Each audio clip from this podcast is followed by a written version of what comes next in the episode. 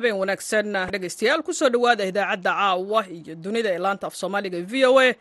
Oo si toos idinkaga imaanaysa magaalada washington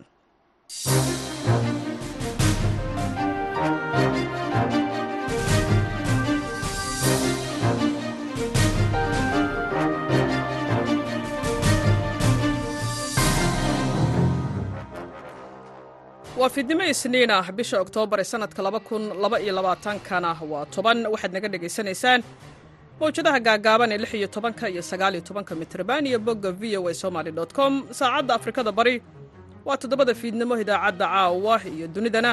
Waxaa idiin daadihinaysaa caashe ibraahim aadan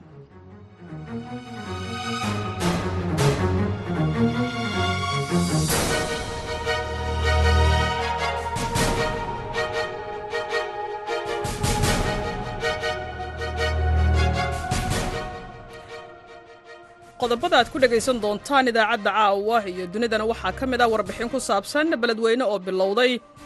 Dib u dhiska goobihii uu burburiyey qaraxii toddobaadkii hore. Suuqa aniga aan joogo oo haddaan kuu sheego suuqan elektriga ah iyo bacadlihii ragga iyo hadda goobtan aan ila joogtid waxa ka fayo waa laba dukaan. Midkan aniga joogo macnaha guri ahaan u nool. Gurigii wou fiiqmay laakiin derbiyadiisa derbi dhagax ahaa buluketi ma ahayn guri ahaanuu u nool yahay. Waxaa kale oo aad dhegaysan doontaan warbixin ku saabsan xasilinta deegaanada laga qabsaday al-shabaab.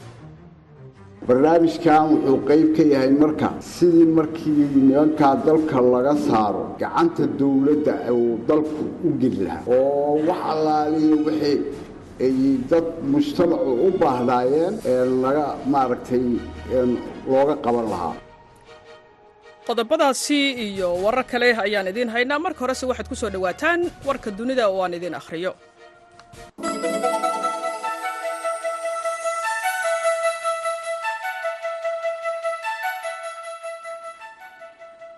Ruushka ayaa saacadihii hore ee isniinta maanta ah. Waxa uu daqaymo xooggan la beegsaday magaalooyin ka tirsan dalka ukrain kuwaasoo sababay in dad rayid ahi ay ku dhintaan islamarkaana ay jaraan adeegii korontada iyo kii kulaylka. Waxaanay u muuqataa in duqaymahan ay yihiin argosi kadib markii madaxweyne valadimir putin uu ku dhawaaqay in qaraxii burburiyey buundada isku xirta ruushka iyo kremiya uu ahaa weerar argagixiso. Gantaalada kruuska ayaa lagu garaacay waddooyinka mashquulka badan jardiinooyinka iyo goobaha dalxiiska ee bartamaha magaalada kiyif ee caasimadda dalkaasi taas oo ka xoog badnayd xitaa weerarkii ay ciidamada ruushka isku dayeen in ay ku qabsadaan magaalada markii uu bilowday dullaanka dalka ruushka ee dalka ukrain ra'iisul wasaaraha maleysiya ayaa isniintan maanta ah waxa uu kala diray baarlamaanka taas oo u saamaxaysa in la qabto doorasho wakhtigeeda laga soo hormariyey si dalkaasi uu dib ugu helo xasilooni siyaasadeed iyada oo waddanku uu ka soo kabanayo culayskii uu kala kulmay xanuunka covid sagaal iyo toban iyo fadeexad musuq maasuq oo balaayiin doolara.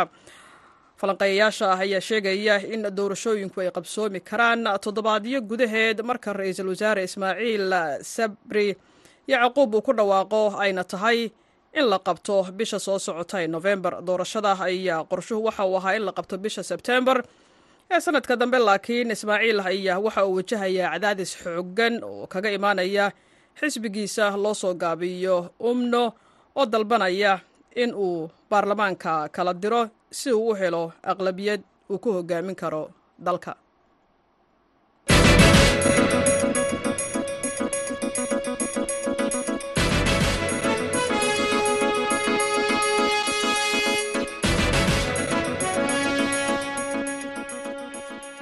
mar kale ayaan hawada idinka leenahay cawaysin wanaagsan. Meel kasta oo aad naga maqlaysaan aan ku bilowne kulan magaalada ka socda beledweyne saddexdii cisho ee la soo dhaafay oo looga hadlayey xasilinta goobaha laga qabsaday ururka al-shabaab ayaa la soo gebagabeeyey deegaanada laga hadlay xasiloonidooda waxaa ka mid ah degmada jamaame ee jubbada hoose iyo tuulooyin hoos yimaada oo si gaar ah diiradda loo saaray. Faahfaahinta warbixintan waxaa kismaayo ka soo diray wariyaha v o e da aadan maxamed salaad. Kulankan oo looga hadlayay sidii wax looga qaban lahaa baahiyaha ka jira tuulooyinka hoos yimaada degmada jamaame ee gobolka jubbada hoose ayaa waxaa ka soo qayb galay mas'uuliyiin ka tirsan maamulka jubbaland gaar ahaana wasaaradda arrimaha gudaha. Maamulka gobolka jubbada hoose iyo sidoo kale qeybaha kala duwan ee bulshada degmada jamaame ee gobolka jubbada hoose. Kulanka oo saddexdii maalmood ee la soo dhaafay ka soconaya magaalada kismaayo ayaa diiradda lagu saarayay wax kaqabashada baahiyaha ka jira jamaame iyo nawaaxigeeda iyadoona bulshadii kulan ka soo qayb gashay ay soo bandhigeen. Dhibaatooyinka haatan ka haysta deegaanadaasi ay ugu horeeyaan adeegyo caafimaad wadooyin iyo sidoo kale wax kaqabashada arrimaha beeraha oo ay sheegeen in dhibaatooyin xoogan ay ka jiraan fatahaado ay ka geystaan webiga iyo sidoo kale abaaro baahsan oo saameyn ku yeeshay dadka iyo dunyada deegaanadaasi. Inkastoo degmada jamaame ay al-shabaab gacanta ku hayaan ayaa haddana waxaa maamulka jubbaland iyo hay'adaha deeqbixiyaashu ay qorsheynayaan sidii wax looga qaban lahaa marka ay gacanta dowladda ay gasho degmadaasi sidii wax looga qaban lahaa adeegyada aasaasiga u ah bulshada ay u baahan yihiin dadka degmadaasi ku nool iyo tuulooyinka hoos yimaada. Ugu horeyn kulanka waxaa hadalkooda ka soo jeediyey yaxye maxamed abshir gudoomiyaha deegaanada hoos yimaada degmada jamaame gaar ahaana goobaha ay gacanta ku hayso dowladda. Shirkaas oo ay howlwadeen ka ahayd wasaaradda arrimaha gudaha iyo maamulka gobolka jubbada hoose shirkaasoo loogu qabtay degmada jamaabe dadka ka soo jeeda qaybaheeda kala duwan. Hadduu maamul yahay hadduu odayaal dhaqameed yahay haddii dhallinyaro tahay haween adugu dhammaan inta ay ka kooban yihiin. Waxaana ku soo bandhignay annaga deegaanka reer jamaam ahaan iyo tuulooyinka xorta. Inkastoo degmada jamaam hadda ay qadka ka maqan tahay laakiin dadka deegaanka xorta hadda jooga iyo kuwa degmada jamaam ka soo qaada waxaa lagu soo bandhigay sidii lasaga kaashan lahaa waxyaalaha caqabadaha ay u baahan tahay deegaanada ama dadka la xoreeya ama kuwa hadda la xoreyn doono sida goobiya caafimaadka biyaha waxbarashada beeraha iyo nolosha asaasiga wax ku samaysan oo dhan iyo horumarka deegaanka oo dhan. Arrimahaasan saddexda beri halkan laysku dhaafsanayay. Ugu dambayntiina waan soo gunaanay jaamac ugaas agaasimaha arrimaha bulshada ee maamulka gobolka jubbada hoose ayaa dhankiisa ka warbixiyey waxyaabaha loo baahan yahay in wax laga qabto iyo sidoo kale waxyaabihii ay soo bandhigeen dadka deegaanadaasi. Degmada jamaame oo runtii aan u qabannay howl saddex maalmood ah oo ah wadatashiga tuulooyinka iyo deegaanka jamaame oo runtii maanta loo soo xidhayo waxaanu leenahay in ay kula xisaabtami doonaan arrintaas gobolka iyo wasaaradda arrimaha gudaha. Sidaa darteed waxaan runtii ugu hambalyaynaynaa waxqabadka runtii iyo baraarujinta aanu laga wado gobolka qaybtiisa jamaame runtiina wixii ay gacantooda ku qorteen ay runtii ay heli doonaan. Hadduu ilahay raalli ka noqdo. Wasiir ku-xigeenka wasaaradda arrimaha gudaha ee maamulka jubbaland cali careys xasan ayaa sheegay in dadka ku dhaqan degmadaasi iyo deegaanada kale ee hoos yimaada ay ahamiyad gaara u leedahay in wax laga qabto baahiyaha ka jira deegaanadaasi. Islamar ahaantaana dowladdu ay haatan qorsheynayso sidii deegaanadaasi marka ay gacanta dowladda soo gasho sidii loogu fulin lahaa wax kaqabashada adeegyada bulshada isagoona si gaara uga mahadceliyay hay'adaha deeqbixiyaasha. Barnaamijkan wuxuu qayb ka yahay marka sidii markii nimankaa dalka laga saaro gacanta dowladda uu dalku u geli lahaa. Oo wax allaaliya wixii ay dad mujtamacu u baahnaayeen laga maaragtay looga qaban lahaa. Waxaa noo suuro gashay marka in aan iyada oon hawshii la bilaabin aanu ka hormarino in degmadii intaan la xoraynin iyadii la warsado dadkeedii la isku keeno la yidhaahdo haye maxaa baahida degmada jamaame maxay tahay? Maxay u baahan tahay jamaame? Waxaan filahayaa dee wixii ay u baahnayd waxaad soo bandhigteen waaye ee hadda idiin diiwaan gashan. Waxaan rajaynaynaa markii meeshaa la qabtaba inay hawshaasi si toos ah ay u bilaabato oo gacantiinnaad ku qorteen gacantiinna inaad haddana ku qabataan. Waxaa waaye wix allaaliya wix aad qorateen baad helaysaan. Dalkiina waa la xoraynayaa waxaa laydinka rabaa inaad diyaargarowdaan dad inaad diyaargarowdaan sidii looga qayb aada uga qayb noqon lahaydeen xoraynta dal waxaan aada ugu mahadcelinayaa hay'adda arrintan gacanta naga siisay t street iyo u s a. Inkastoo degmada jamaame ee gobolka jubbada hoose muddo dheer ay gacanta ku hayaan maamulkeeda al-shabaab ayaa haddana waxaa jira tuulooyin dhowra oo hoos yimaada degmadaasi oo ay gacanta ku hayaan ciidamada maamulka jubbaland balse maamulka ayaa haatan qorsheynaya sidii degmadaasi ay ula wareegi lahaayeen iyadoona haatan la sii qorsheeyey mashaariicyada kala duwan ee degmadaasi laga fulin lahaa shanta sano ee soo socota. Aadan maxamed salaad v o a magaalada kismaayo. Haatan beledweyne. Toddobaadkii hore magaalada beledweyne waxaa ka dhacay qaraxiyo ay ku dhinteen in ka badan labaatan qof kuwaasoo sidoo kale burburiyey dhismayaal iyo goobo ganacsi oo ku yaalla magaalada gudaheeda. Qaraxyada ayaa waxaa loo adeegsaday saddex baabuur oo laga soo buuxiyey waxyaabaha qarxa. Haddaba nadiifin iyo dib u dayactir ayaa waxaa lagu bilaabay dhismayaashii ay qaraxyadaasi burburiyeen siduu ku soo warramaya waryaha v o eda ee magaalada beledweyne xuseen xasan dhaqane. Qaraxyadii beledweyne ka dhacay maanta oo kale toddobaadkii hore khasaaraha dhimasho kasuko waxaa jira burbur lixaad leh oo soo gaaray dhismayaasha deegaan iyo ganacsi inta u dhexaysa saldhigga booliiska iyo xafiisyada dowladda.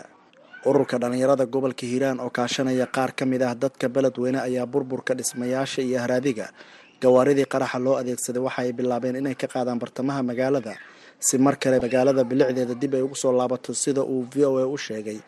Cabdi muumin cilmi cabdixiish guddoomiyaha ururka dhallinyarada gobolka hiiraan. Marka annaga ka dhalinyaro ahaan dee inaynan baqdin gelin oo burburkoodii aan la daawan ayaa qorshaheena koowaad ahaa. Maadaama dhallinyarada gobolka aan nahay magaaladan annaga iska leh dad kale oo meel kale nooga imaanahay ma jiro marka ayaga waa u farxad in burburkii ay geysteen oo muuqdo saacad walba iyo maalin walba. Marka yacni maaragtay iska qaadno qashinka iyo dhibaatooyinka ayagu ay geysteen. Runtii waxa aan soo qaadaynay waxaa ku jiray hilbaha dadkii ayagu ay qaraxyada u soo dhiibeen oo gogo-ay. Waa qaadnay qashinkii welina waan ku jirnaa howsha hagaajinta nadiifinta ilaa iyo meel walba ay burburiyeen inaan qashinka ka qaadna ayaan ku howlanahay insha allah haddana waxaan nadiifinay aargada iyo meeshii goobtii qaraxii hore uu ka dhaxay inta ka dhexayso oo loo yaqaano aagga daljirka bacadlayaasha ragga iyo weliba maxaa tirahdahay cajiin loo yaqaano aagaas. Hadda waa ujeedaan waa nadiif. Ganacsatadiina dib bay u soo noqdeenoo waxoodii bay kakowsanayaan siday markii hore ahayba ka dhiganin bal hadda in aan la muujin niyad jab inaan la muujin oo ay ku ganacsadaan oo ganacsigooda dib ay u soo celiyaan ayaan rajaynaynaa inkastoo muddo hal toddobaada laga joogo qaraxyadii beledweyne ka dhacay. Haddana weli ciidamadu heegan ayay ku jiraan gaar ahaan buundooyinka magaalada la ysaga gudbo. Qaar ka mid ah dadkii ganacsiga ku lahaa bartamaha magaalada dib ayay ganacsigooda u furteen. Kuwana waxay ku howlan yihiin dayactirka dhismayaashii ka burburay. Sida uu sheegayo cabdulaahi cabdiwaaxid oo ka mid ah ganacsatada beledweyne alxamdulilah waa aadan fiicannahay. Goobaha ganacsigana waxaa ka socda dayactir aniga waxaan deganahay meesha oo dadka reer beledweyne u yaqaano daljirka dahsoon. Meeshaas waxaa ku yiilay suuqa oo electriga magaalada ama suuqa mobeylada laga iibsado oo wixii koronta ku shaqeeya laga iibsado. Bacadlaha ragga baqaaro oo ganacsi oo kaloo fara badan. Dayactir xoogana hadda ka socdo.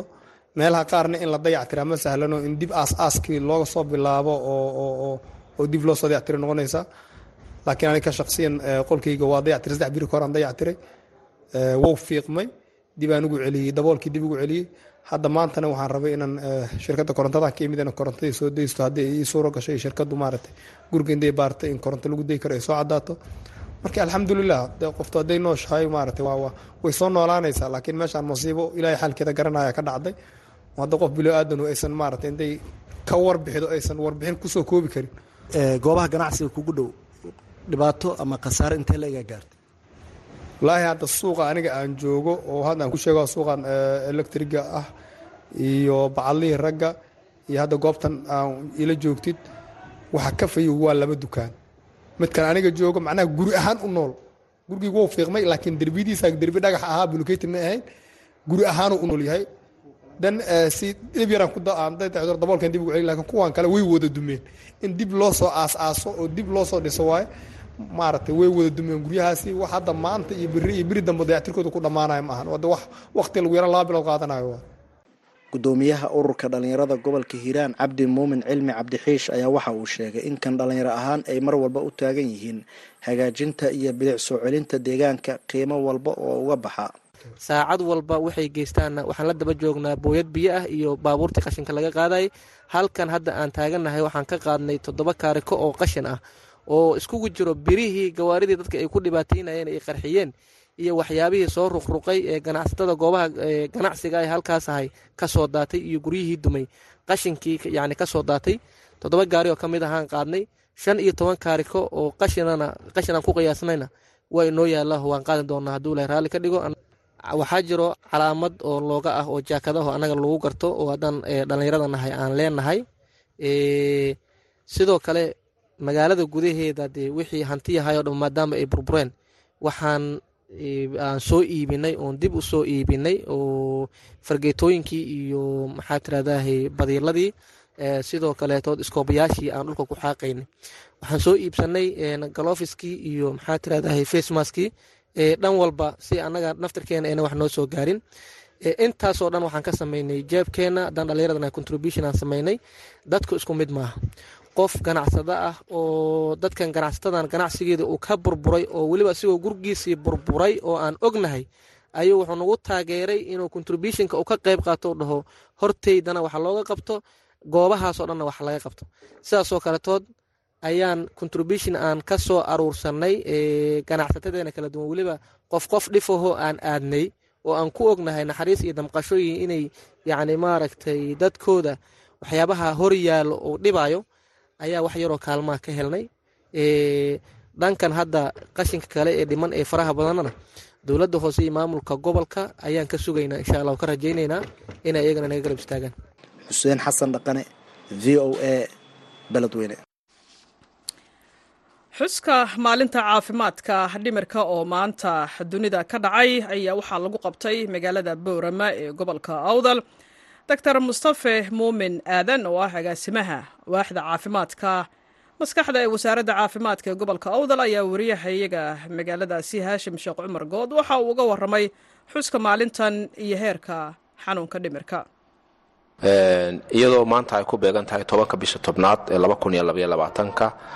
oo ah maalinta loo asteeyey in laga xuso caafimaadka maanka adduunyada taasi oo markaa ujeeddada ugu weynna ay tahay dee wacyigelin iyo dhiirigelin iyo in dadka la tuso in la garab taagan yahay.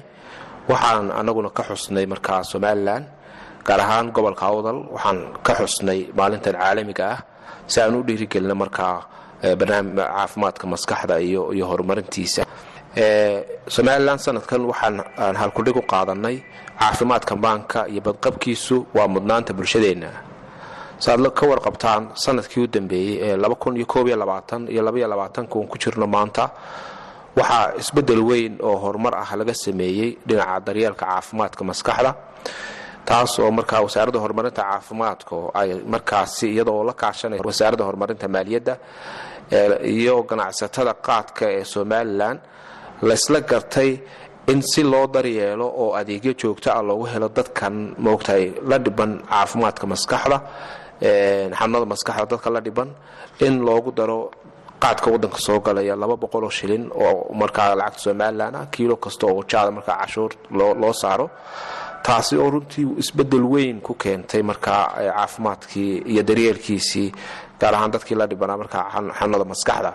Adeegyada dheeraadka ee markaasi u kordhay bukaanadii qabay xanuunka maanka ee ay arintaasi u soo kordhisay maxaa ka mid a guud ahaan marka laga hadlayo somalilan waxa weeyaan waxaa la qaatay oo arrintan markaa isbeddelka weynay keentay waxaa ka mid a in kor loo qaaday adeegyadii caafimaadka iyo daryeelkii markaa caafimaadka maskaxda. Waxa weeyaan waxaa la helay markaa daawo bilaash ah oo markaa joogto ay u helayaan bukaanadii sidoo kale waxaa loo sameeyaa cunto markaa iyagana markaa dheeli tiran oo bukaanada markaa loogu sameeyo goobaha markaa ay ku jiraan guud ahaan somalilan oo dhan cusbitaaladeeda waxaa markaa wasaaradda horumarinta caafimaadku ay samaysay tababaro ku saabsan markaasi caafimaadka maskaxda iyadoo lagu tababarayo dadka kale ee xirfadda caafimaad ku shaqeeya iyaga laftoodu si ay markaa qayb uga noqdaan daryeelka markaa dadka la dhiban xanuunada maskaxda. Waxaa sidoo kale la sameeyey oo runtii gobollada oo dhan loo qaybiyey gawaadhi markaa loogu shaqeeyo xaafadaha iyo degmooyinka kala duwan si loo gaadho meelaha ka baxsan cusbitaalada. Iyadoo markaa la sameeyey daadejin lagu sameeyey ama primary health care integration waxa la dhahdo oo lagu daray markaa caafimaadkii moogtahay maskaxda iyo daryeelkiisii in markaa qofka uu ka heli karo goobaha markaa xanaanooyinka iyo meelahan hooyada iyo dhallaanka lagu daryeelo ama health centreska waxaan moogta la dhahdo si gaara markaynu u soo qaadanno gobolka awdal oo adigu aad tahay agaasimaha waaxda caafimaadka maanka ee gobolka awdal waxyaabaha idin qabsoomay labadaas sano ee u dambeeyey ee kor loo qaaday adeega caafimaadka maanka. Maxaa ka mid a waxaa ka mid a ugu horeyn markii barnaamijkan uu bilaabmay waxaan u samaynay markaa tobabar iyo aqoon caafimaad baan waxaan siinay dhammaan shaqaalaha caafimaadka gaar ahaan kuwa ka shaqeeya xanaanooyinka iyadoo xanaano walba markaa laga soo qaadanaya laba qof si markaa ay adeeg iyaguna ay u fulin karaan waxaa sidoo kale aan samaynay oo aan helnay daawooyinkii markaasi wasaaradda horumarinta caafimaadka iyadoo si joogtaa markaa u keenta. Bukaanada meesha ku jira ayaa waxaa sidoo kale loo sameeyaa si joogtaa in cunto loogu kariyo saddexda waqtiba waxaa sidoo kale aan helnay gaari baan helnay markaa aan uga adeegno oo hadda usbuucii hore waxaan aan ku tegnay degmada dila oo markaa magaalada booramo xoogaa ka durugsan. Sidaa taasoo markaasi dadka guryahaan ku booqanay islamarkaana aan xanaanada weyn ee markaa magaaladaasi lafteeda aan ka soo fulinay adeegyo caafimaadka maskaxda ah oo markaa firi ah. Dhammaan bulshada loo adeegayo iyo daryeelka caafimaadka maskaxda dadka waxaa loogu qabtaa si fria oo lacag la'aana. Xanuunada ugu badan dadkaasi la dhiban yihiin waa kuwii la xidhiidha dhinaca maanka. Horta tirada guud ee sanadkan u shaqaynay qiyaastii gobolka awdal waxa weeyaan inta udhexaysa ilaa in ka badan laba kun oo bukaan ayaa si lacag la'aana loogu shaqeeyey oo markaa adeeg markaa hufan la siiyey oo caafimaad oo dhinaca maskaxda ah. Bukaanada ama xanuunada ugu badan ee inta badanna soo mara waxa uga caansan waa skisofreniyada depressionka waxaa number one ah depressionka ayaa noogu badan. Depressionka oo sidoo kale adduunyadana markaa ah xanuunka markaasi lagu tilmaamo inuu yahay kahagardaamada ugu ballaaran sida oo number one adduunyadaba kaga jira ayaa inagana markaa sidoo kale noogu badan. Sisofreniyada oo one percentka ah adduunyada inagana sidoo kale aad bay u tiro badan tahay xanuunada markaasi balwadaha iyo qaadku markaasi u horeeyo xashishada iyadna soo biiraysa kuwaas ayaa iyaguna markaa ku jira. Xanuunkan baaxaadagaha la ydhaha ama bibolarka dadka qaarkood laba maryoola bay idhahdaan laba wejiila bay idhahdaan oo qofku marna kaco marna markaa dego oo aad markaa marna aamus galayo oo markaa dhaqdhaqaaqiisa iyo xarkaadkiisu ay yaraanayaan iyo jab markaa uu dareemayo marna qofku niyadiisa iyo hamadiisa iyo markaa qab kale uu galayo hadal badan iyo socod badanna uu yeelanayo kaas laftiisuna waxay ka mid tahay markaa xanuunada markaasi ugu badan. Waxaa sidoo kale iyaduna meesha aan laga saari karin oo xanuunada markaasi ka mida xanuunada kale ee la xidhiidha jidhka oo markaasi xanuunadan jidhka iyo maskaxda oo runtii marka qaarkood oo dadka qaarkood ay ka cawdaan xanuuno jidhka ah sidoo kale markaa iyagoo markaa qabo xanuun maanka ah taasina iyadna waa runtii xanuunada moogtahay ugu badan bay ku jirtaa ee aan la kulanno. Kaasi wuxuu ahaa doctor mustafe muumin aadan oo ku takhasusay xanuunada neerfaha iyo maskaxda ahna agaasimaha waaxda maanka ee wasaaradda horumarinta caafimaadka ee gobolka awdal oo aan ka wareysanaynay xuska maalinta xanuunada maanka oo inta badan xuso tobanka bisha oktoobar sanad walba. Haashim sheekh cumar good v o a boorama haatanna waxaad ku soo dhowaataan xubintii ilayska v o a. Waxaa soo diyaariyey soona jeedinaya maxamed colaad xasan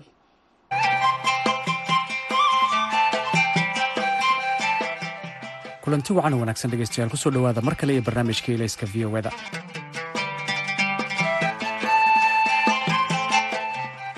toddobaadkii tegay dunida waxaa laga xusay maalinta macalinka adduunka oo ku beegnayd shantii bishan oktoobar maalintan ayaa sanadkan halkudheg looga dhigay isbeddelka lagu sameeyo waxbarashada. Waxa uu ka bilowdaa macalinka sanadihii u dambeeyeyna waxaa magaalooyinka soomaalida ku soo badanayay ardayda wax aqrinaysa iyo qaar badan oo xiiseeya wax aqrinta waxaa kaloo socda baratan ay magaalooyinka ugu jiraan furitaanka maktabado cusub iyo xarumo buugaagta lagu akhristo. Koox isugu jirtay arday macalimiin iyo aqoon-yahanka u ololeeya kubcinta wax akhriska soomaalida ayaa dhowaan iyagoo ugu dabaaldegaya maalinta macalinka si wada jira u akhriyey ilaa iyo boqol buug sheekh xasan albasri oo madax ka ah naadiga akhriska ee raasumaal oo ka mid ahaa dadkii soo qabanqaabiyey buug akhrintan ayaan weydiiyey waxa uga soo baxay boqolka buug ee ay akhriyeen. Waxaa iga soo baxay akhriska buugagta. Markaan akhrinay boqol buug oo aan fiirinay xaaladda soomaalidu maanta ay ku sugan yihiin waxaa iga soo baxay in haddii loo baahan yahay sida dalalka hormaray sida jabaanka oo kale in la sameeyo in ay tahay in laga bilaabo nolosha albaabka aqriska in la garaaco. Marka aqriska buwagta waxaa inooga soo baxay marka la isweydiiyo why su'aasha la dhaho why nation is fail maxay ummaduhu u burbureen? Dowlado badan ayaa burburay oo awoodi waayey inay baalansi gareeyaan nolosha iyo wasaaradaha iyo waxaaha dowladdu ka koobanta haddii ayba dhacdaba in dowladdu ay u badato dhinaca difaaca iyo hubka arrimahaas u badato oo ay gacan bidixayso dhinaca dhaqaalaha iyo waxbarashada. Waxaa ku imaanaya kalaabsi iyo burbur ummadda noocaasana halaag iyo waxaa u siyaadaya dagaalla sokeeya. Marka si loo helo ummad horumar samaynaysa waa in la baalansi gareeyaa waaxaha dowladda oo dhan dhaqaalihii waxbarashadii caafimaadkii siyaasaddii difaacii ee hal mara isla jaan qaadaan sida labada garab ee shimbirku u duulaan oo kale. Dadkii ka qayb qaatay akhrinta boqolka buug iyo boqol maalmood waxaa ka mid ahaa cabdulaahi nadiif sheekh oo ah qoraa iyo baare ku sugan magaalada buuhoodle walaalkey maxamed aad iyo aad u mahadsan tahay. Dabcan naadiga waa naadiga akhriska ee raasumaal waa naadi ay ka soo fikireen indheedgarad dalka gudihiisa iyo dibaddiisaba joogo waa naadi looga kala faa'iideysanayay aaladaha casriga ah dabcan naadigan wuxuu socday boqol maalin iyo boqol buug ayuu ahaa hadafkiisa. Alxamdulilah waana la gaaray yoolka asaga ah. Waxaa ku mideysnaa aqoon-yahan badan oo daafaha dunida kala joogo. Waxaa lagu kala gorfeeyey buugaag kala duwan oo ka kala hadlaya mawaadiic kala duwan arrimaha siyaasadda dhaqaalaha arrimaha bulshada naxwi ibraahim oo ka mid ah dadkii ka qayb qaatay ololahan akhrinta buugaagta magaalada muqdisho ayaa ka warantay dareenkeeda. Awalan assalaamu calaykum waraxmatullah. Waa ku salaam walaalkayga colaad iyo dhammaan bahda v o a. Dareenkayguna ma aha wax la soo koobi karo. Waan aad ayaan ugu faraxsanahay inaan naadigan ka mid noqdo. Waxyaabaha aan ka faa'iday haddii aan gudagalo igana lama soo koobi karo waxyaabahan ka faa'iday waxyaabahan ka faa'iday waxaa ka mid ah inaan wax buwaag akhriyey. Dareemayna aniga inaan wax akhri karo hami yeelan karo waxna soo saari karo. Qofka markuu wax akhriyo maskaxdiisa way furfurmaysaa wuxuu ogaan karaa inuu wax qabsan karo. Dhiirigelin ayuu helayaa. Rofeor cabdalla mansuur waxa uu ka mid yahay aqoon-yahanka soomaaliyeed ee u ololeeya soo nooleynta iyo horay marinta dhaqanka iyo afka soomaaliyeed. Barnaamijka eleyska ayuu uga waramay faa-iidooyinka ay wax akhrintu u leedahay bulsho qof ama qaran. Akhriska waa waxyaabaha maaragtay astaan oo ah akhriska badan. Astaan oo ah hor uu marka ummad ay samayso ama qofba aqoontiisi inuu aada u kororsado waa akhrin badinta. Sidaan ka warqabno jaamacadda yacni cilmi oo dhan laguma barto waa qabiyo qofka jaamacad ka soo baxa. Cilmigiisi waa qabyo ayaa la dhihi karaa waxaa sii dhammaystiraa inuu sii wado sii akhriyo akhriska badan. Qofkaan jaamacad dhiganaynin isagana saas oo kale aqoontiisi suu u karorsado waxaan ognahay adduunweynaha dalalka hore uu maray dadyowgoodii waa dadka maaragtay uga akhriska badan. Wixii la qoray wixii loo qoray rofeor cabdalla mansuur ayaa qaba in soomaalidu ay tahay bulsho hadal isugu gudbiya fariimaha waxaana uu sharaxayaa sababta ay wax akhrintu ugu yar tahay soomaalida dhexdeeda. Soomaalidu dhaqan uma lahayn wax akhris waa bulshad ku caanbaxday maxaan ku yidhaahdaa ee ay isugu gudbiso dhaqankeeda iyo aqoonteedaba tiraab ahaan ee qoraal ahaan wax isuguma gudbin jirin maxaa yeelay ma lahayn afkooda maaragtay far u gaara ah ma lahayn af carabigana aada looma aqoonin. Waa qur'aanka iyo diinta unbaa lagu baranayay. Marka maxaan ku yidhaahdaa dhaqan looma lahayn waageeni hore intii dugsiyada iskoolaadka iyo jaamacadaha laga barto unbaan maaragtay ku ekaan jirnay midoo oo dhaqan looma lahayn tan labaad haddana lama helinin buugag maaragtay la akhrista lamana aqoonin maaragtay dhaqanka wax akhrinta zaa'idka ah wixii naloo dira mooye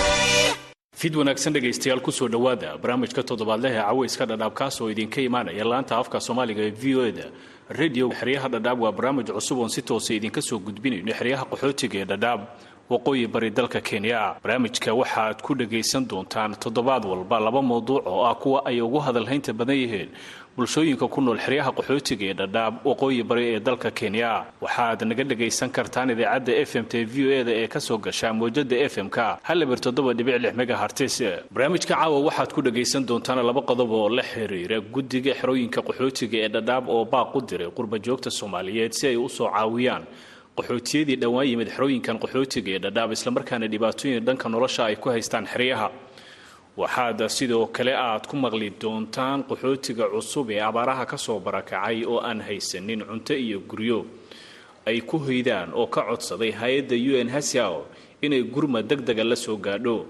Shaqsiga toddobaadka toddobaadkana waxaanu ku eegaynaa mid ka mida ciidamadii xoogga dalka soomaaliyeed oo duruufaha nolosha ay ka dhigtay qaadoole caan ka ahaa jubbooyinka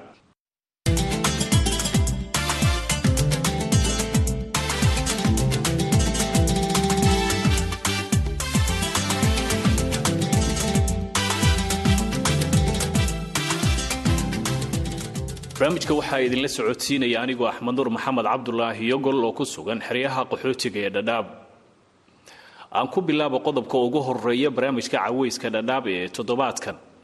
Guddiga xerooyinka qaxootiga ee dhadhaab ayaa waxay baaq u direen qurbajoogta soomaaliyeed si ay markaasi u soo caawiyaan qaxootiyadii cusbaa ee soo gaaray dhowaan xerooyinkan qaxootiga ee dhadhaab kuwaasi oo dhibaatooyin adag oo dhanka duruufaha ay ku haystaan xeryaha qaxootiga ee dhadhaab islamarkaana aan kaalmo ka helin hay'adaha samafalka. Qaxootiyadan oo tiradoodu ay ka badan tahay ilaa soddon kun oo qaxooti ah islamarkaana ah kuwo muddooyinkii ugu dambaysay soo beegsanayay xerooyinkan qaxootiga ee dhadhaab si ay nolol ooga helaan. Ayaysan helin waxaabihii markaasi ay rajeynayeen inay ka helayaan xerooyinka. Qoysaskan ayaa waxay hoy ka dhigteen duleedyada xerooyinkan qaxootiga ee dhadhaab iyagoo hoy ka samaystay kaartoomo iyo geeda la isu geeyey islamarkaana ay nolol aad u adag ay ku nool yihiin iyadoo maalintii cadceedda kulul ee ka jirta xerooyinka qaxootiga ee dhadhaab ay ku dhacaysa habeenkiina. Qabowga iyo dhaxaanta ay u dheer tahay. Qoysaskan ayaa in badan oo ka mid a waxay la daaladhacayaan dhibaatooyin dhanka nolosha ah iyadoo hooyooyin badan oo ka mid a qoysaskan iyo carruur ay xilligan ka muuqato duruufo adag oo dhanka nafaqala-aanta ah guddiga xerooyinka qaxootiga ee dhadhaab oo muddooyinkii u dambeeyey u istaagay sidii loo kaalmayn lahaa qoysaskan islamarkaana gargaar uga ururinayay qaxootiyadii sii jooga xeryaha sida raashin agabyada cuntada lagu karsado iyo weliba sidoo kale gogol. Ayaa waxay ka codsadeen qurbajoogta soomaaliyeed in ay soo caawiyaan qaxootiyadan walaalahooda duruufaha adag ay ku haystaan xerooyinkan qaxootiga ee dhadhaab. Iyagoo sidoo kale baaq u jeediyey qurbajoogtii ka dhuuftay xerooyinkan qaxootiga ee dhadhaab una sheegay in dhibaatooyinkii iyagu sannado ka hor ay ku noolaayeen kuwo ka daran ay ku nool yihiin haatan walaalahooda soo gaaray xerooyinkan qaxootiga ee dhadhaab. Cabdulaahi cusmaan xaaji aadan oo ka mid a guddiga xerooyinka qaxootiga ee dhadhaab oo la hadlay barnaamijka caweyska dhadhaab ee v o eda ayaa baaqan u jeediyey qurbajoogta waxaan ku noolahay xeryaha qaxootiyada kaamkan dhadhaabeed gaar ahaan xerada qaxootiga ifo. Waxaa jirta dad tabaalaysan oo ku nool kaamkan dhadhaab gaar ahaan xerada qaxootiga ifo. Dadkaasoo mardhow soo galay gobolkan waqooyi bari gaar ahaan imaaday kaamkan dhadhaabeed xerada qaxootiga ifo. Dadkaasoo la daalaadhacaya baahiyaha kala duwan. Dadkaasi waxay u baahan yihiin gacanqabasho xoog leh waxay u baahan yihiin inay helaan dhammaan adeegyadii aas-aasiga ahaa ee ma aragtaay qof bini'aadana uu u baahnaa waxaa marka jirta kaamkan dhadhaabeed gaar ahaan xerada qaxootiga ifo waxaanu soo degnay iyo kowdii wakhti xaadirkan hadda aanu joognana waa labada kun labaatan iyo labadii. Sidaa daraaddeed waxaanu ku sugannahay soddon iyo laba sano. Dad soddon iyo labadaa sano bulshadu qaarba sanad bay soo gelayeen. Hadda wakhti xaadirkan dii ilaa hadda wakhtiga oogu darayd ee abid taariikhdanna soo mara waa hadda. Waayo sixir barar baa dhacay dhaqaale xumaa dhacday hay'adihii kaamkan ma aragtay dhadhaabeed ay ka heli jireen adeegyada aas-aasiga bulshadu ay ka heli jirtay dhaqaala daraa soo wajahday wax walba waxaad moodaa inay hadda gabaabsi yihiin marka waxaan rabaa inaan u baaqo dadkii kaamkan dhadhaab ka dhoofay iyo kowdii ilaa hadda oo labada kun labaatan iyo labadii aan ku jirno. Dadkii kaamkan dhadhaab ka dhoofay ee qurbaha tegey ama yurub tegey ama ameerika tegey ama austareeliya tegey ama carabaha galay ayaan rabaa inaan baaq u soo jeediyo walaalayaalow kaamkii aad ka dhoofteen.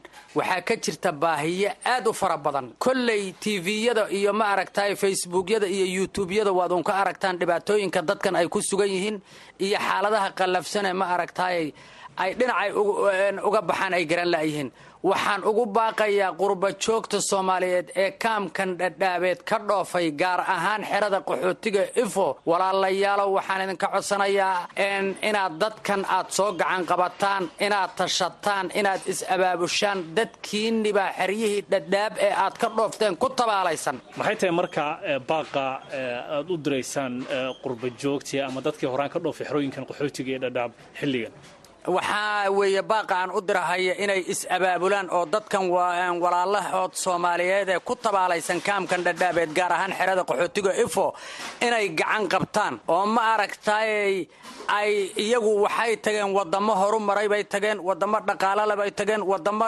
maaragtaay shaqadu ay laga helayo oo shaqadu ay maaragtaay fududahay bay heleen meel aad u wanaagsan bay tageen. Marka walaalayaalow waxaan idinka codsanaynaa inaad dadkan walaalihiina aad soo gacan qabataan. Oo ma aragtaay ha yaraata ha badnaato nin walba waxa uu heli karo inuu dadkan walaalahooda uu ku soo taro ayaannu codsanaynaa gaar ahaan aniga oo ah cabdulaahi cismaan xaaji aadanood i garanaysaan oo guddoomiye ku-xigeenka xerada qaxootiga ifo ah. Waxaan idinka codsanayaa inaad baaqayga aqbashaan kaamkii aad ka dhoofteen dadka ku sugan ee walaaladiina ee tabaalaysan ee qaarkood gaajada iyo silaca iyo hoyla'aanta iyo daawola'aanta u baaba'aya inaad wax iskugu soo dardartaan oo dadkii walaaladiin ahayd aad soo gacan qabataan oo baaqayga aad ka soo jawaabtaan baan codsanayaa maxay tahay marka walaacan aad qabtaan ka guddi ahaan maxaa ku soo aadiyey xilligan qaxootiyada cusub ee dhowaan yimid xerooyinka dhadhaab?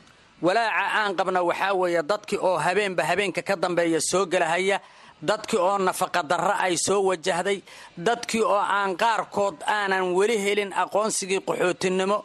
Walow dad yar ay heleen dadkii oon wax shaqaa iyo wax camala aanan midna toona haysanin dadkii oo ma aragtaaye ay qaarkood ayagoo xanuunsan kaamka imanaya daawo fiican oo ku filan male biyihii waa ka gabaabsi meesha hadda ma aragtaay dadku ay degan yihiinoo biyola'aan baa soo wajahday meelaha ay dadka cusub ay degan yihiin raashin male aas-aasiga ahaa male hoy male musqulo male dadka qaar baa siday u xanuunsan yihiin ayaga oo aan weli caafimaad helin ku dhimanaya.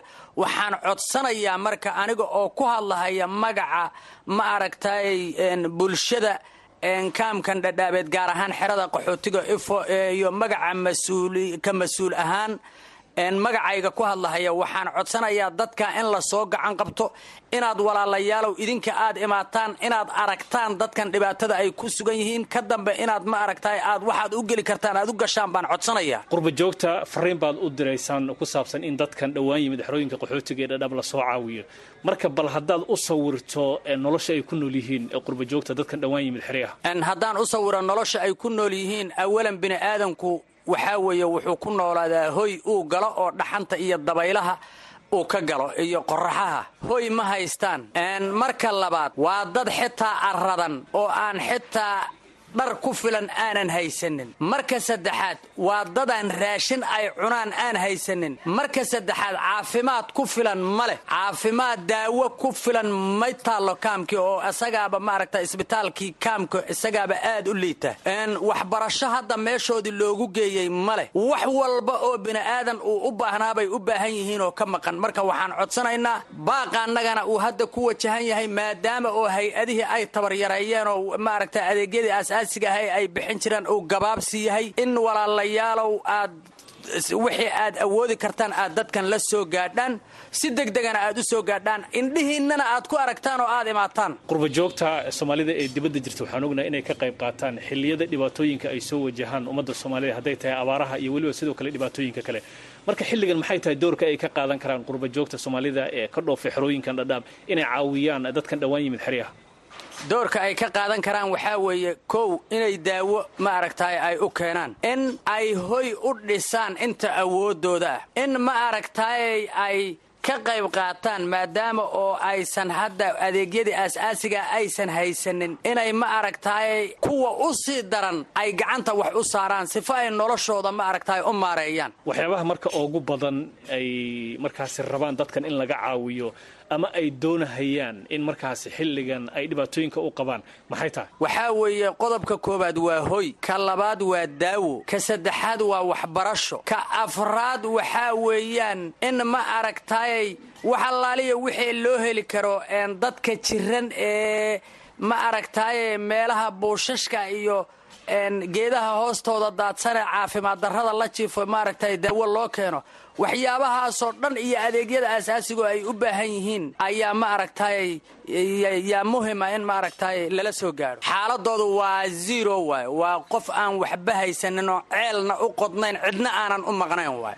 Ugu dambayntii marka qurbajoogta maxaad ugu baaqilay qurbajoogtu waxaan ugu baaqahayaa inay horta iyagu ay isa soo abaabulaan oo mid iyo laba iyo saddex intay soo diraan ay indhahooda ku arkaan dadkan tabaalaysan. Si weliba degdeg a maadaama oo muddo dheerna aysan sii joogi karin.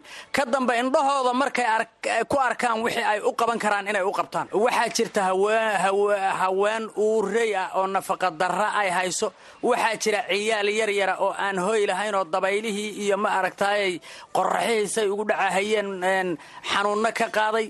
Nafaqa darro baahsan dad waayeel ahoo aan ma aragtaay dhulka yaallo aan socon karin oo u baahan inay waxyaabaha nafaqala la siiyo. Waxyaabo fara badan oo ay u baahan yihiin baa jirta marka qurba joogtu si ay noo aaminaan indhahooda ha ku arkaan ka damba iyagu gacantooda waxay oogu tari karaan ha oogu taraan. Annaga in wax naloogu dhiibaba diyaarumana idinku indhihiinna ku soo arka ka damba idinka gacantiinna waxaad heli kartaan ku siiya. Qoyskii maanta toban dollar la siiyo ama shan dollar la siiyo. Wuxuu ku moodayaa oo uu wakhtigaa ku dhaafayaa. Laba beri baa laga yaabaa inuu tobankaa dollar ama saddex beri uu ku moodo nolol ahaan.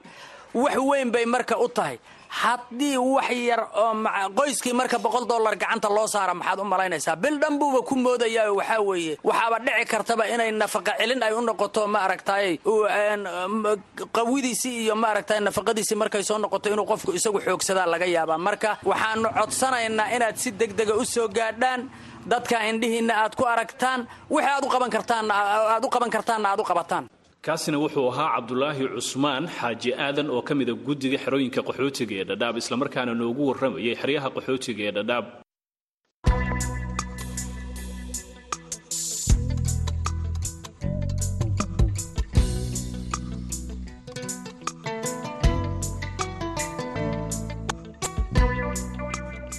halka aad naga dhegaysanaysaan waa laanta afka soomaaliga ee v o eda barnaamijka toddobaadlaha ee caweyska dhaab oo ah barnaamij cusub ay soo kordhisay v o eda markana aan idinku wareejiya saaxiibkii cabdisalaan axmed sales oo istuudiyaha igula sugan si uu inoogu soo gudbiyey qaybaha inooga haray barnaamijkeenna. Mahadsaned axmed nuur maxamed cabdilaahi dhegeystayaal waxaad nagala socotaan barnaamijka caweyska dhadhaab oo aad ka dhegaysanaysaan v o a. Si toosna idinkaga imaanaya xeryaha dhadhaab ee gobolka waqooyi bari magacaygu waa cabdisalaan axmed cabdisalaan salaas ku soo dhowaada warbixino kale oo ku saabsan nolosha qaxootiga oo aan barnaamijka idinkugu hayno waxaana ka mid ah sheekooyin ku saabsan khibradaha nolosha qaxootiga. Shakhsiga toddobaadka oo isbuucan aan ku wareysan doono mid ka mid a saraakiishii booliska soomaaliyeed xilligii kacaanka oo burburkii kadib isku bedelay qaadoole caanka ah jabooyinka haddaba maxay tahay sababta uu ku doortay iibinta qaadka barnaamijka ayaad ku maqli doontaan. Sidoo kale barnaamijka waxaan ku soo qaadan doonaa qaar ka mid a qaxootiga ka soo barakacay abaaraha ee soo gaaray xeryaha oo u n h r ka codsaday in si degdeg ah loogu soo gurmado iyadoo qoysaskaasi aysan helin wax gargaar ah tan iyo xilligii ay soo gaareen gudaha xeryaha dhadhaab ee gobolka waqooyi bari. Balse marka hore aan ku bilowno shakhsiga toddobaadka abuukar sheekh maxamed daahir wuxuu ka mid ahaa ciidamadii booliska soomaaliyeed bersamaadkii balse iminka waa mid ka mid a odayaasha magaca ku leh bulshada qaxootiga ah ee ku dhaqan xeryaha dhadhaab ee dalka kenya. Abuukar ayaan ka wareysanay waayihiisa nololeed iyo dhibaatadii uu ka dhaxlay xilligii ay burburtay dowladdii dhexe soomaaliya. Cabdisalaanow magacayga oo saddexan waxaa leedaha abuukar socma daahir xaaji maxamuud cigaal. Ayaa la yidhaahdaa waana ku dhowahay waraysiga toddobaadka waayahay abuukar waxaad u horey noo sheegtaa dabcan deegaanka aad ku dhalatay. Haa deegaanka aan ku dhashay waxaan ku dhashay gobolka loo yaqaano gobolka ogaadeen ee etoobiya kililka shanaad degmada ama gobolka wardheer. Meel u dhow oo la yidhaahdo yucub ayaan ku dhashay waxaan ka soo tegey kun iyo kowdii anoo nin yar oo dhallinyaro ah. Waxaan ka soo galay meel la dhaho fadhi garaadle. Waxaan soo socdo waxaan soo socdo laba nin baa i waday oo la kala yidhaahdo cali kabadhe iyo maxamed gadheere. Waxay soo keeneen muqdisho muqdisho ay iga soo kaxeeyeen dee kismaayo ay soo mariyeen badhaadha meel la dhahaan tegey badhaadha ayaan toddobaatan iyo labadii waxaan ka galay iskoolkii la odhan jiray ololaha reer miyiga ilaa dugsiga dhaxaan ka dhigtay.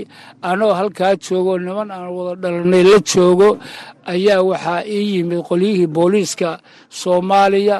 Booliiskaasaan qortay tababarka waxaan kaga baxay magaalada kismaayo muddo adugu sagaal bilooda kadibna shaqooyadii uun bileyska ayaan iska wadan jiray. Burburkii soomaaliya ayaa marka nagu yimid. Burburkii markuu nagu yimidna shaqo aanan weligeeba gelin oo aanan aqoonin oo aanan ka iyasi jiray oon dhihi jiray war waxaan maxay ahaayeen? ayaan galay. Oo nolol maalmeedka ka raadsado ilaahda qaadka loo yaqaano mirow ee kenya ay leedahay qaadwalahaas ayaa noqday waa tahay guddoomiye abuukar inta aan burburkii la soo gaarin.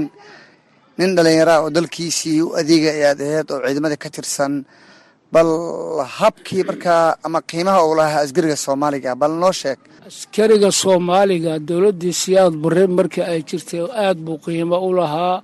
Waddankuna waddan sharafle ayuu ahaa. Waddan qiimo badan ayuu ahaa aad iyo aad u wanaagsan marka waxa weeye sharaf iyo cis ayuu lahaa.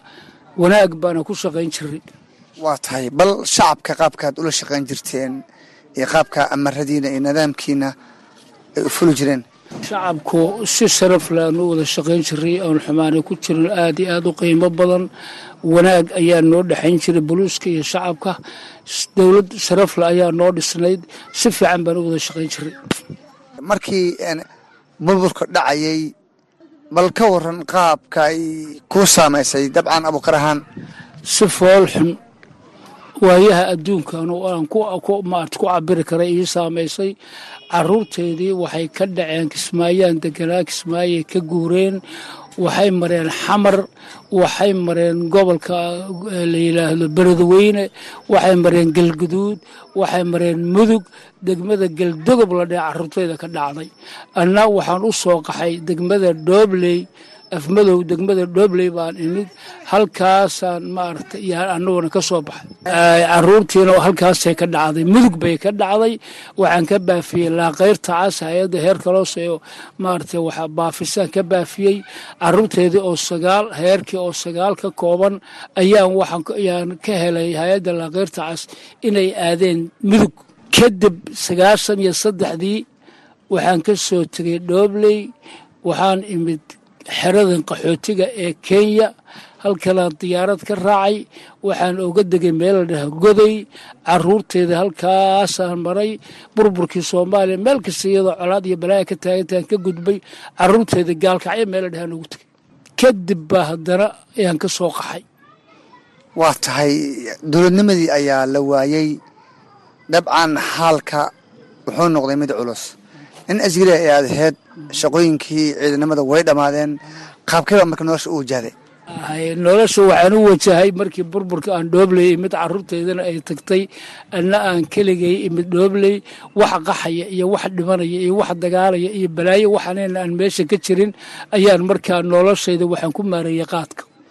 Qaad walaa noqday nolosheeda halkaasaan ka raadin jiray dhoobley baa qaadka ku gadi jiray wakaas aad iyo aad bay aniga dhib igu ahayd aad iyo aad bayna iila fool xumayd qaadna anigu ma cuni jirin laakiin waxaa igu kalifay inaan nolol maalmeed ka raadsado wayna ila xumayd runtii waayahana kalifayo haddee camal kaloo la qaban ma jirin dowlad loo shaqaynaya ma jirin.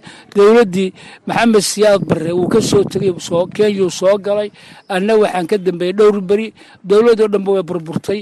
Marka dantaa igu kaliftay inaan maaragtay aan galo qaadka halkan markaad ku soo laabatay xeryaha dhadhaab qaabkee baad nolosha u wajahday? Maadaama xero qaxooti iyo dad xaalkooda adag yahay aad ku soo biirtay.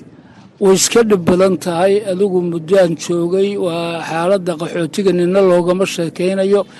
Waa xabsi kor ka faydan aad iyo aad bay u dhib badan tahay. Hase ahaatee dadka uun ku dhaqan qaxootiga xeryaha dhadhaab unbaan ka mid ahaa. Dhagaxley baana ku suganay oo aan joogaa hadda waa ka mid un baanahay qaxootiga.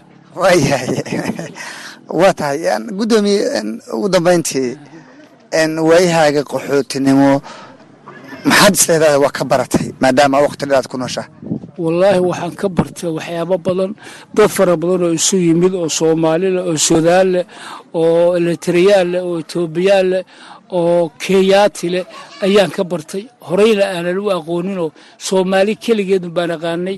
Marka horta xaggaa dadka isdhexgalka bulshada waan bartay oo dad badan baan ka bartay laakiin noloshu waa xabsi kor ka fayda aad buu u mahadsan yahay. Kaasin wuxuu ahaa abuukar sheekh maxamed daahir ooan u soo xushay martida qaxootiga toddobaadka oo igu waramay gudaha xeryaha dhadhaab ee gobolka waqooyi bari. Waa hagaag dhegeystayaal. Sidaan hordhiciiba idinku sheegay bilihii la soo dhaafay kumanaan qoys oo ka soo barakacay abaaraha ka jira deegaano badan oo ku yaalla koonfurta soomaaliya. Ayaa soo gaaray gudaha xeryaha dhadhaab kuwaasoo inta badan aan la siin gurmad iyo soo dhoweyn wanaagsan iyadoo hay'adaha samafalka ee ka howgala xeryaha ay arrintaasna ku sheegeen in dhaqaale xumo xoogan xilligan ay soo wajahday. Qaar ka mid a qaxootigaasi ayaa barnaamijka caweyska ugu waramay xaalka ay ku nool yihiin. Guuraayo xiifow cabdi waxaan ka soo tegay soomaali waxaan amaaday dowladda keeji dhibkii uu soo kacay weliba igama dhicin oo guri iyo biyi iyo aabad iyo cunto dhan waxaan arkay maleh waddada dhibaan ku soo marnayoo aanu koo baqayna aan soo marnay. Waa tahay hooye waxaad ka warbixisaa deegaanka aad ka soo barakacday magaciisa.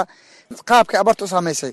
Mubu-aala haye noo abaaro badan iyo xoolo beel iyo waxqabsad darro shaqo darro aa meesha taalle marka hadda iyo kadib haddii dowladda kenyana qaabishoon wax ka helna ma ogya hadda waan baahangnaa waa tahay adiga beeraley ma ahayd mase xoolo dhaqato xoolo dhaqataan ahayn xoolihina waa iska beeyaan beerana duwaaq iyo waxaas waa abuurkoosiis u dhashay wax lagama helin yaa kula socdo qoyskaaga imise qof ayaa ka koobantihiin? Todobana qofaan ka koobagnahay waan soo kala waxaan soo kala raacnaa wayne lama gooraan soo kala guurnay sideelna baahana iisanahay xerada markaad timaadeen maxaad gurmadoo hesheen waxba ma helin wax oo guryaalkan oo boonada qaatayna siiyaan iyo waxba kale ma helin.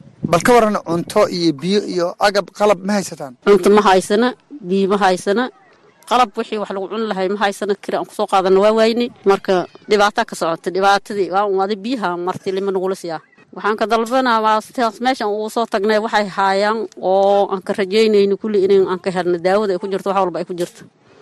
Biyaha cuntada guriga musqusha waxyaalo badan in kala kulagno salaada axmed xasan waa israado halkee ka soo barakacday mbaalile haye. Adee inaan soomaalida walaalahan ugu ammaadno gargaar iyo wax kasta aan ka helno guri iyo hooyin aan helnaan rabnaa. Waa israada carruurtaada waa imisa? Tomanaalay ka koobanta. Toban qof waaye? Haa. Haye. Qaxootiga marka aad soo gasheen gargaar ma hesheen oo hayadihii midin yimaadeen? Hayada hadda ka hor noo qaabiliyo noo ammaaday ma jiraan haye. Walaalahan oo qaxootiga hor alla u fadhiya waxay noo soo ururiyeen waa cuntadayna. Waa tahay. Guriga bal ka waran biyo ma heshaan biyo ma qabna hooyan ma qabna. Hooyankaayin kuwaan is arkaysi waa adee baahanaanna dhibaatada odnahaasi ilaahay waa loo sheegi karaa guryaha ku jirtaan waa sidee? Guryahan ku jirna banaanka carada badanoos aday arkay hoysaba waa adee hay'adaha oo inaan ka helna gargaar cusub waan rabnaa. Baari xasan soon oo cadaadgeri meel lahaa diinsoor ruuxa kun diinsoor ag soo barakacday diinsoor agtiis haa. Waa tahay bal halkan noloshaada maxay ku tirsaneed ma beeraley xoolo dhaqato maxaa heedeen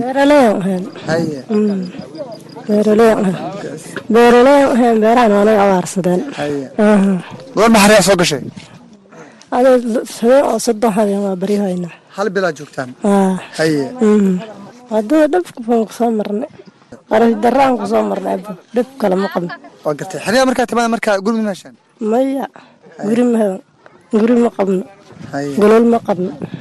Dhinaca kale qaar ka mid a qaxootigan oo bilo ka hor soo gaaray xeryaha ayaan helin wax gargaar ah kuwaas oo qaarkood dulsaar ay ku yihiin qosaskooda oo abaaraha ka soo barakacay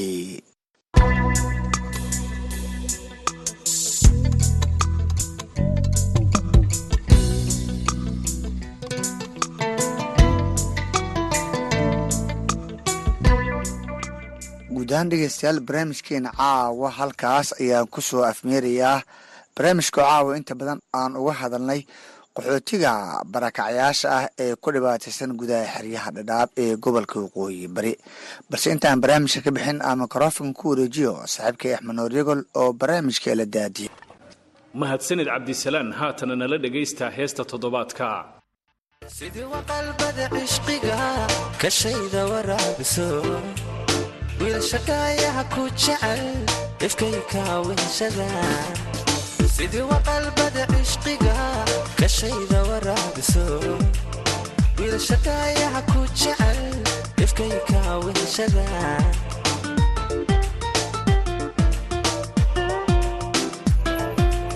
waqtiga aadiga fog tahay wanaaguna lada hurdadao adaa ii soo widha waqtiga aadiga fog tahay wanaaguna lada hurdadao adaa ii soo widha waqtiga aadiga fog tahay wanaaguna lada hurdadao adaa ii soo widha waqtiga aadiga fog tahay wanaaguna lada hurdadao adaa ii soo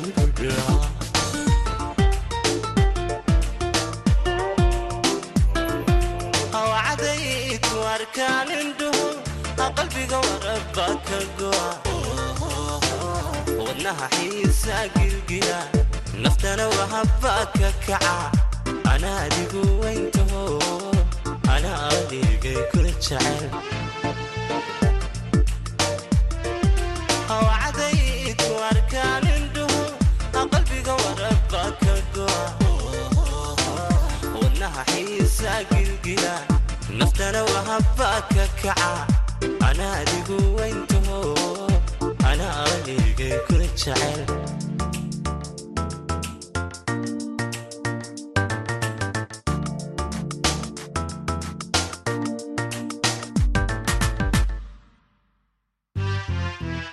waddada loo mara qalbiga adaawa hore xidhe naftayda ku weynida waxuu ku omanaya adaawa hore xidhe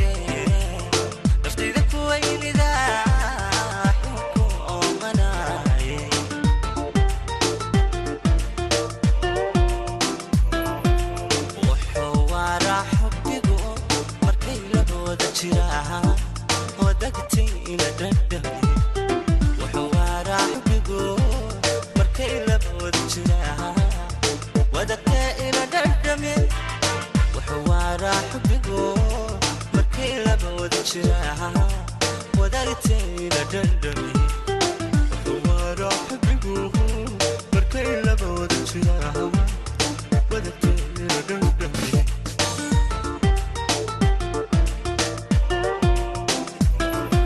awcadaydku arkaan indhuhu qalbiga warabba ka go'a wadnaha xiisa gilgila naftana wahabba ka kaca ana adigu weyntaho ana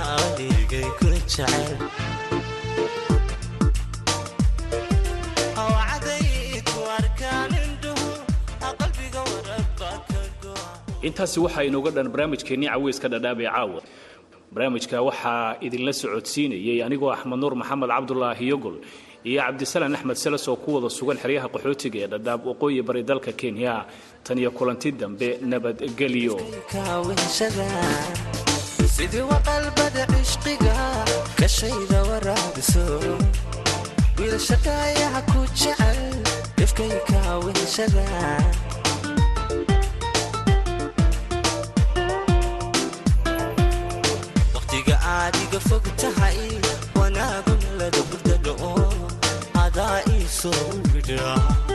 waqtiga aadiga fog tahay wanaaguna lada hurdadao adaa ii soo widha waqtiga aad iga fog tahay wanaaguna laga hurdaga oo adaa ii soo bidha waqtiga aad iga fog tahay